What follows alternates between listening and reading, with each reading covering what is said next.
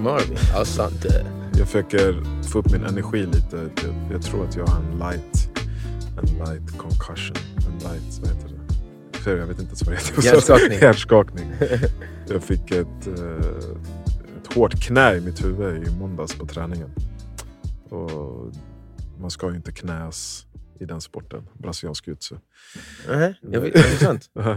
Nej, men det är inte alla som vet det. Man Nej, kanske jag tänker att det är muay thai, någon kampsport där man faktiskt ska... Där målet är att man ska ha knä den andra huvudet. Men nej, så det var ett misstag av min sparringpartner. Mhm. Så jag är lite sådär, äh, lite huvudvärk, lite off i huvudet. Eh, Så det var därför jag gjorde ett försök att komma igång. Men du mår inte illa eller något sånt va? Nej, jag kände lite i morse. Men det är inte så farligt.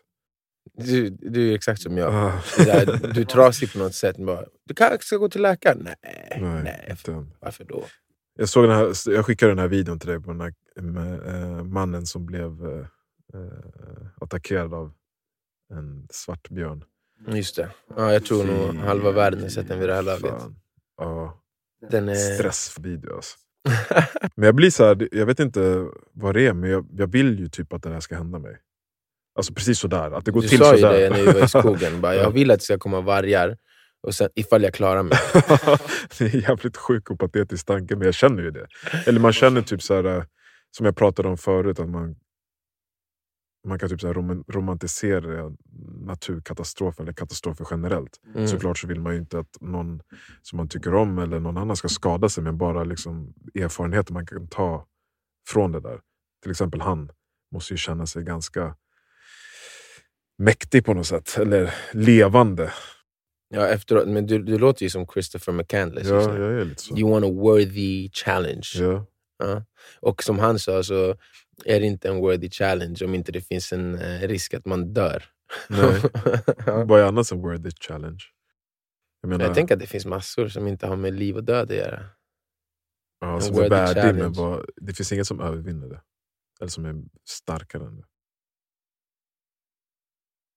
Alltså, jag menar till exempel, en förlossning för en kvinna är väl där någonstans. Mellan liv och död. Ja, definitivt. Ja. Och vi har ju inget sånt Marvin. Det är därför vi måste ha liksom testosteronbaserade... Vi söker utmaningar och extrema eh, nära döden-upplevelser. Ja. För att vi egentligen vill föda barn. Nej, men ha något motsvarande. Vi kanske är så här, äh, det kanske ligger djupt i vår programmering att vi fick utlopp för det där i dueller och krig. och Mm, kanske det. eh, liksom Fysiska konflikter var kanske vanligare då. De pratar ju om det i den här boken också. Att eh, det kanske är kodat i vårt DNA att när man är ung så ska man vara alltså, dumt risktagande. Mm. Och eh, i det stora hela så är du fortfarande rätt så ung i alla fall. ja. Men Så jag det har aldrig varit är- så dum, tror jag. Alltså, jag, jag har aldrig...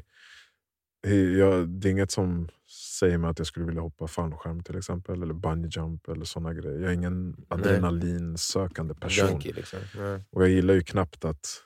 Jag har ju tävlat en hel del, men det är inte något av mina, liksom, mina favoritgrejer att göra.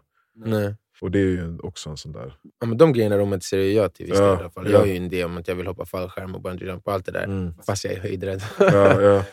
Ehm, Så jag är en liten mes med andra ord. nej.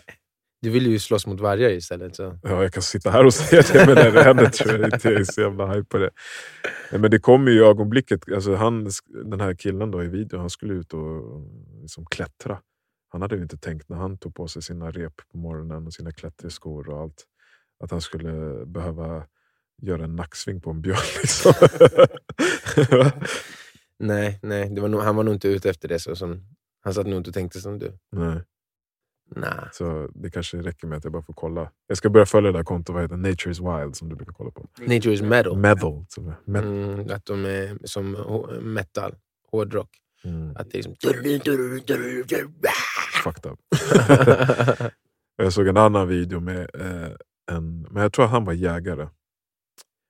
Eh, som blev konfronterad av Puman. en puma. och den där var, tyckte jag var värre. Men jag, hittade, jag har sett en annan förut som jag visade eh, Ariso igår. I sex och en halv minut så är det en puma som går efter honom på en stig och han bara backar. Alltså den är så obehaglig. Jag vet inte varför jag är mer rädd. Alltså, det Katter. borde inte vara det, för katterna de dödar ju snabbt. De går för eh, jugular. Ja. Och, och så här, eh, för att de tänker att då, då blir det mindre kamp. Men björnar de är så stora så de trampar ju bara på dig. Och sen börjar de käka medan du lever. Så det är mycket värre att bli tagen av en björn än, än något kattdjur. Mm. Katterna känns så... De är läskigare på något sätt. Ja.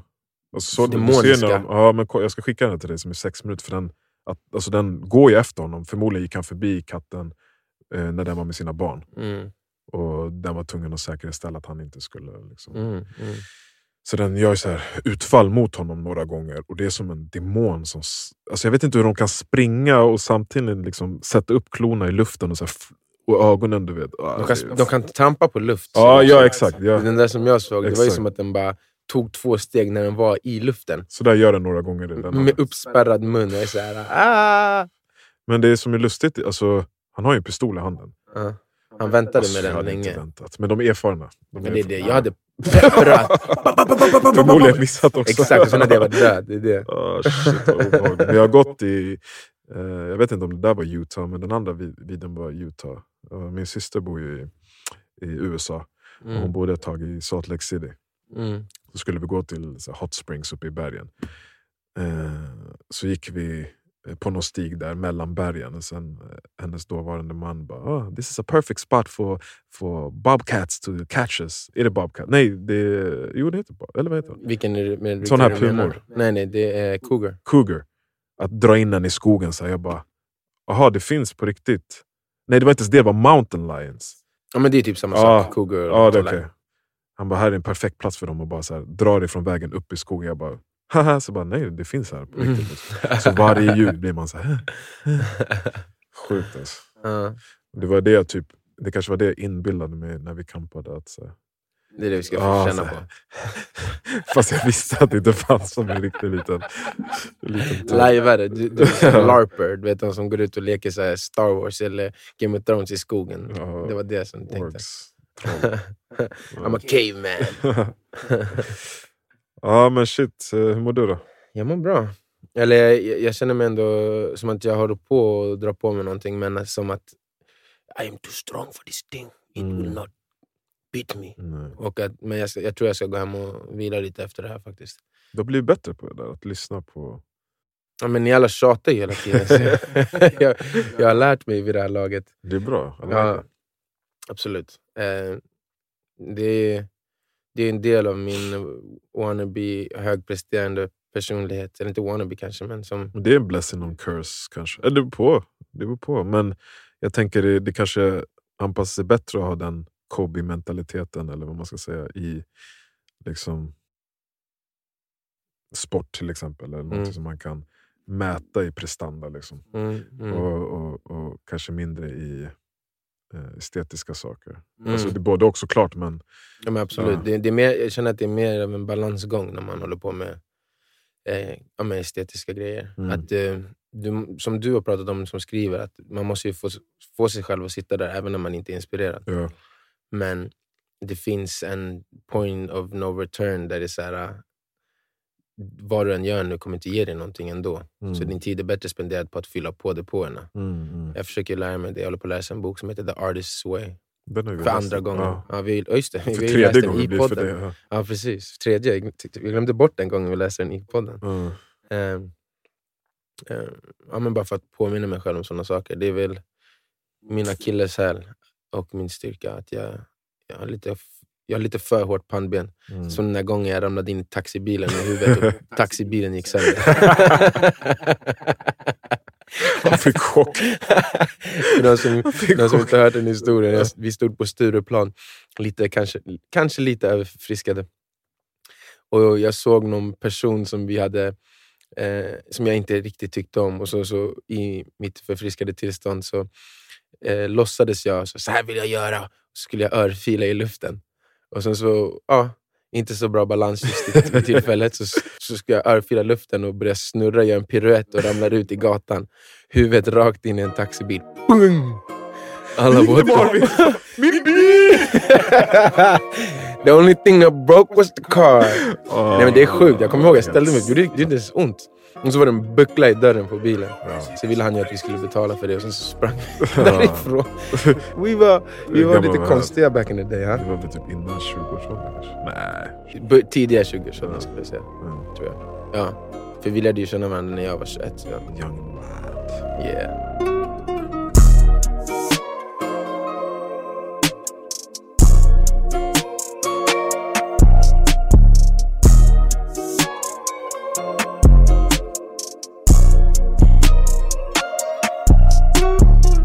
Nej, men jag, jag eh, tänkte på det nu när vi kom in på eh, hårt pannben och så.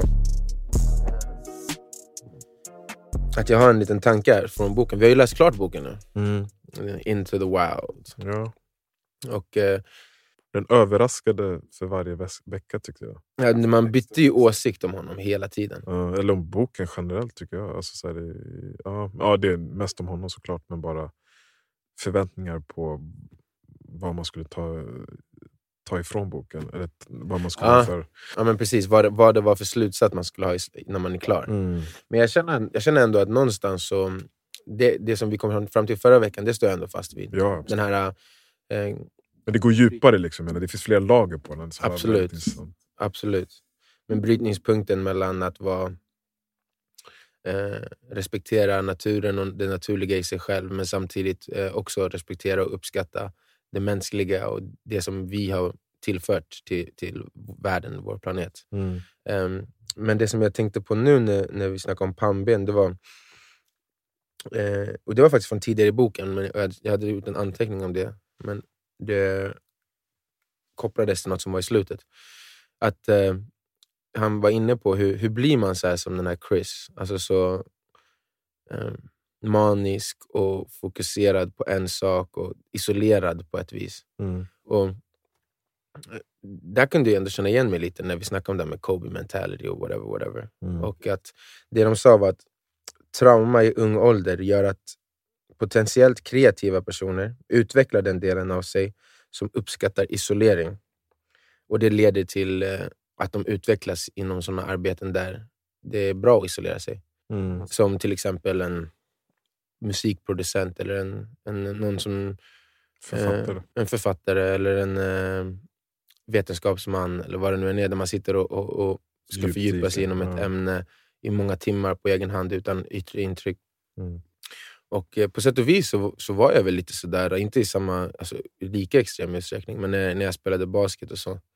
Och det fick mig också att tänka på att, för jag har också varit inne på det den senaste tiden överlag, att så här, vad är det jag söker i den här attityden av att hög, vara en högpresterande person? Mm. Vad är det som är målet där? Mm. Speciellt när vi har bemött den aspekten av att vara människa och ifrågasatt den och varit såhär, men hur många är det som når den högsta, högsta höjden av prestationer och faktiskt är, fortfarande är hela människor? Mm.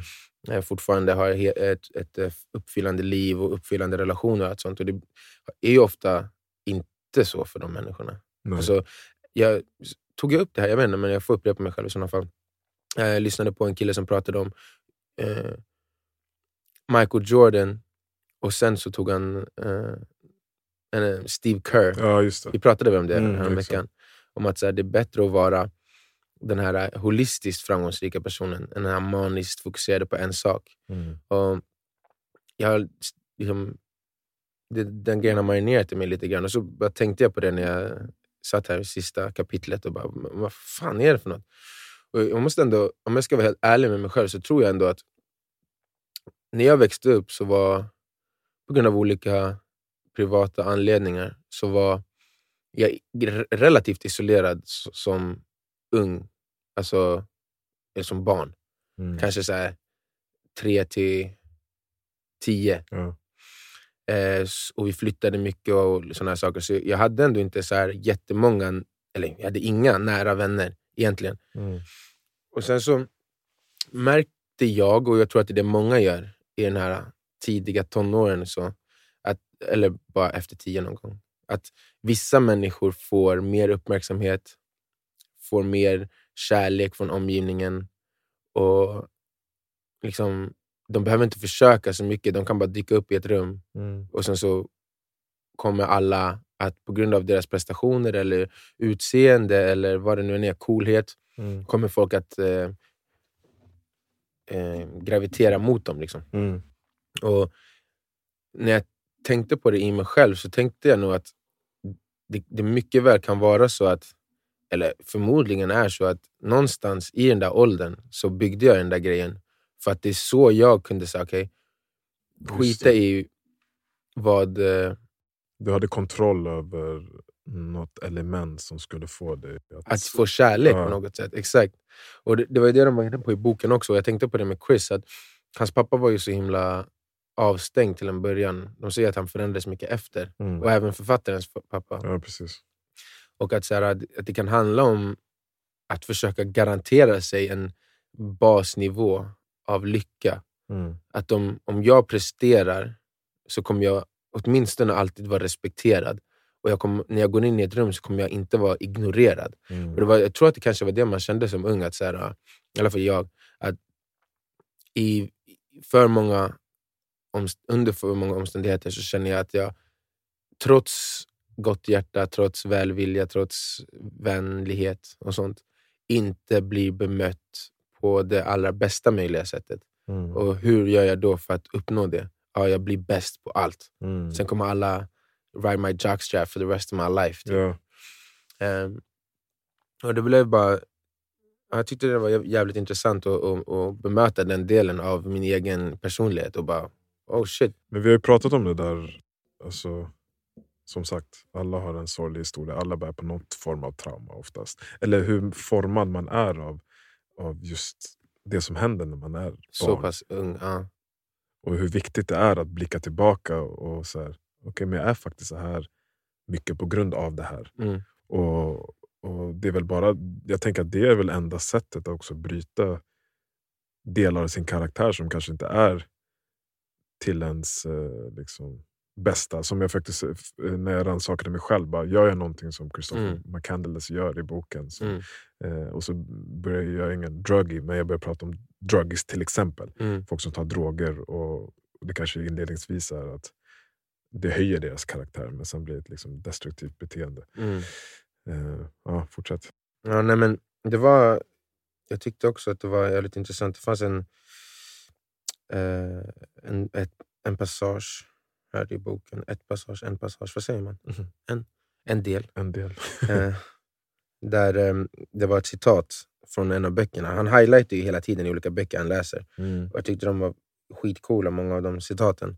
Det var ett specifikt här som jag tyckte... För övrigt tycker jag den delen också, ni är lika. Alltså, Alltså, highlighta i böcker. Och, Ja, men alltså att ni går in, att ni eh, är liksom kunskapstörstiga. ja, jo, och så absolut. eh, det finns mycket sanning i böcker och sen Mm. tar ni hela sanningen och applicerar den i verkligheten. Han kanske inte gör det. Eller jo, det blev ju så att han Ja, gjorde ja. det. Applicera hela eh, kunskapen från boken i verkligheten och sen börja skala av. Liksom. Och Ja. jag är ju tvärtom. Jag, är Ja. så här, jag läser typ skumläs. Bara, ah, det där var nice. Bara, det tar jag med mig. Det, Mm, där, mm, det är mm. så roligt att man gör det på olika sätt. Ja, verkligen. Jag tror också det handlar om trygghet. Alltså, så, här. Jo, att, det, att känna att så länge jag följer det här exakt, då gör jag Mm. rätt. Mm, mm. Eh, kanske att man inte litar helt på sina känslor. kanske. Eh, och, och Samtidigt så har jag också, liksom, till viss del, tycker jag att fortfarande kan stämma ibland.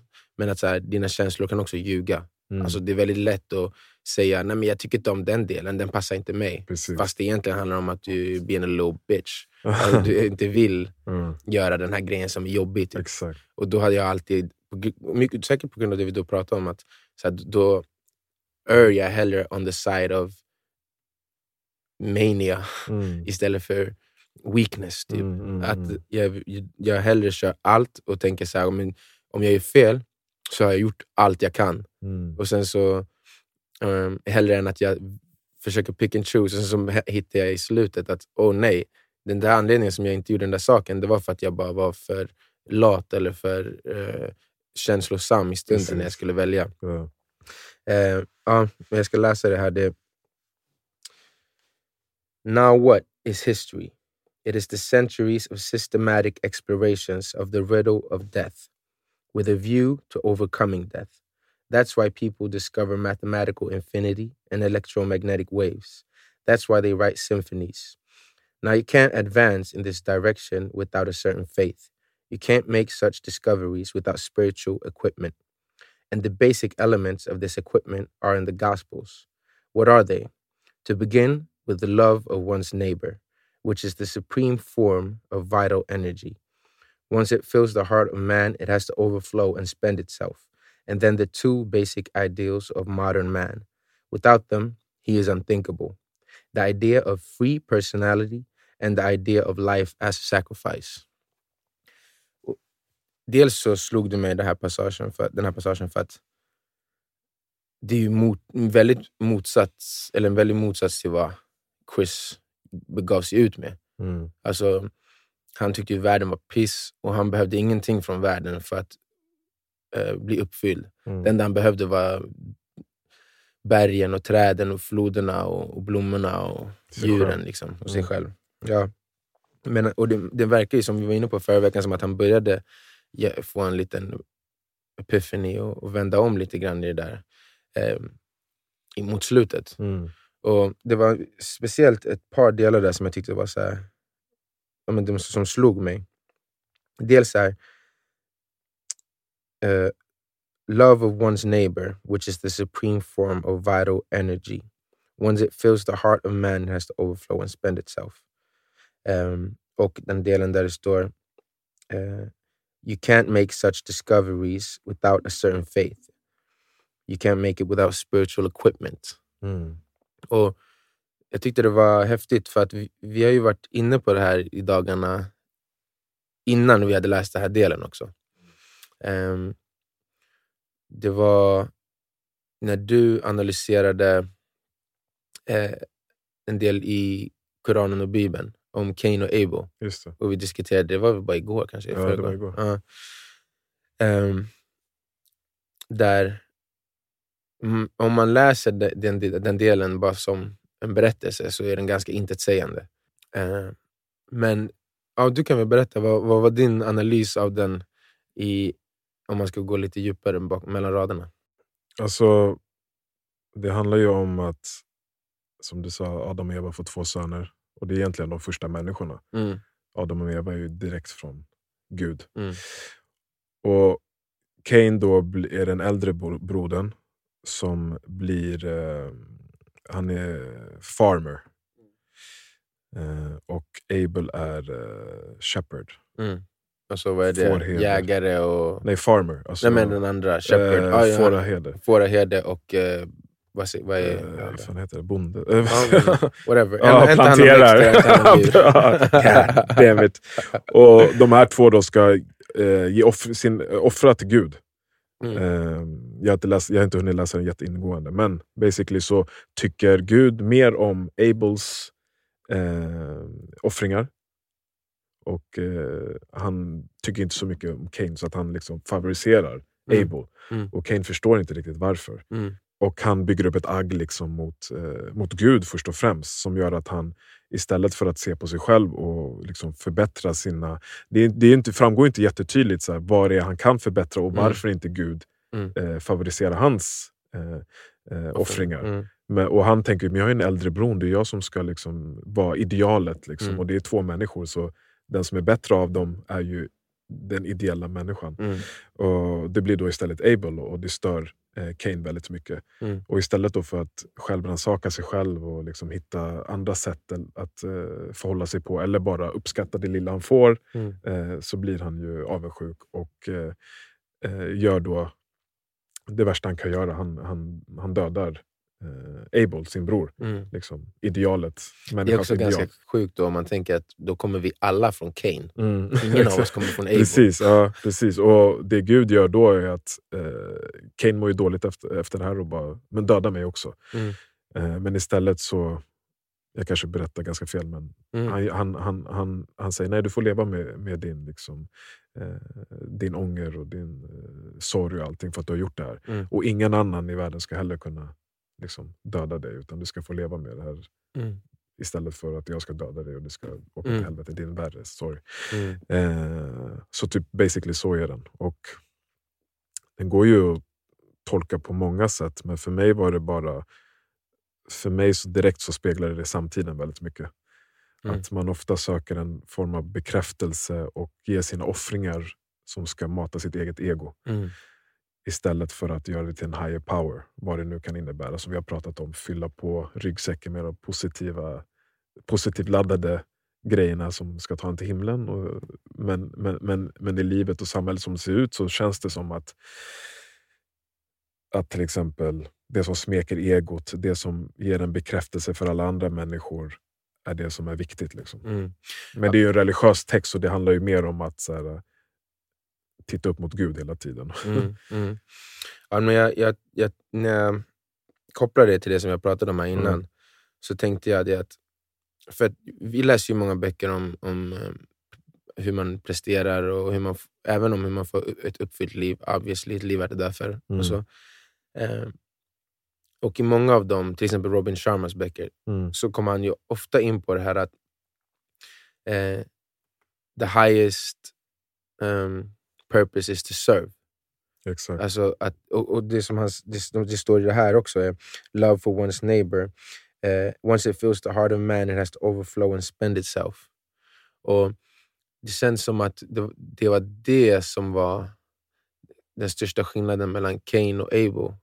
Att Cain gjorde det, för sin, det han gjorde för att få kärlek.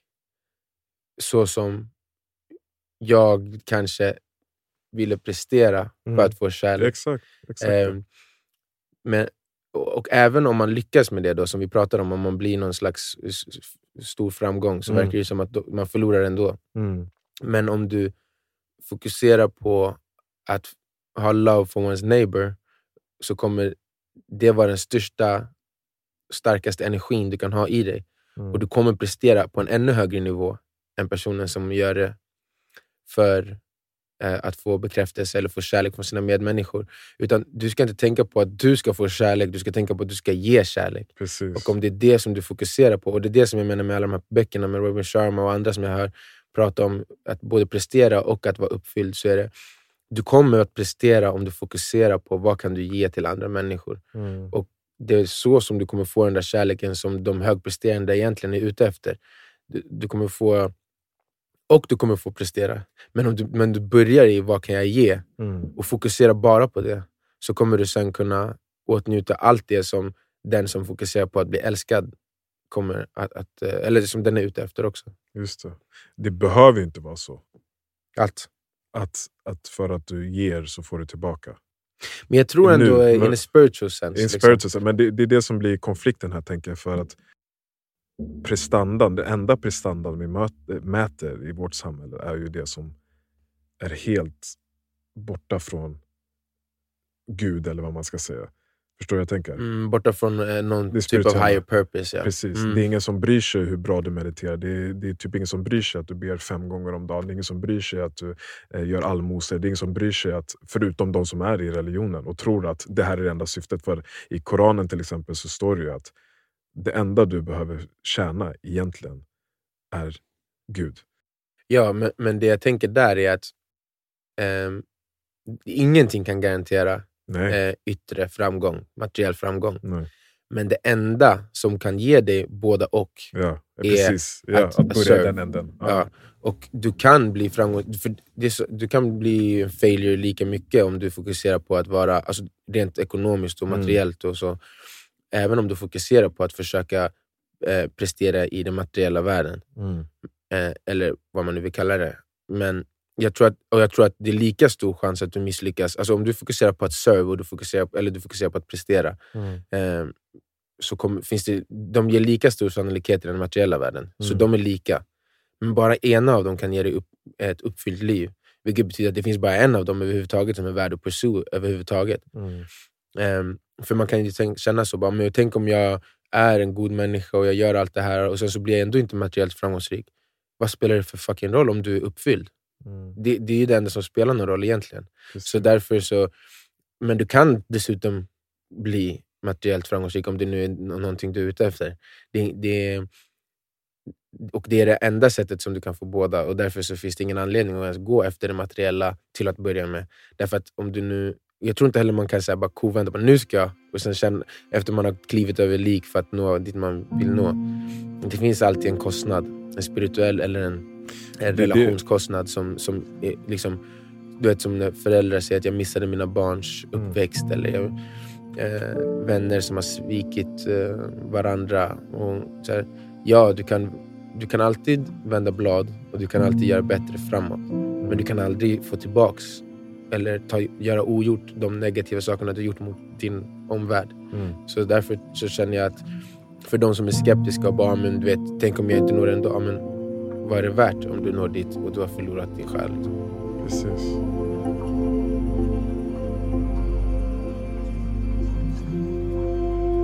Mm.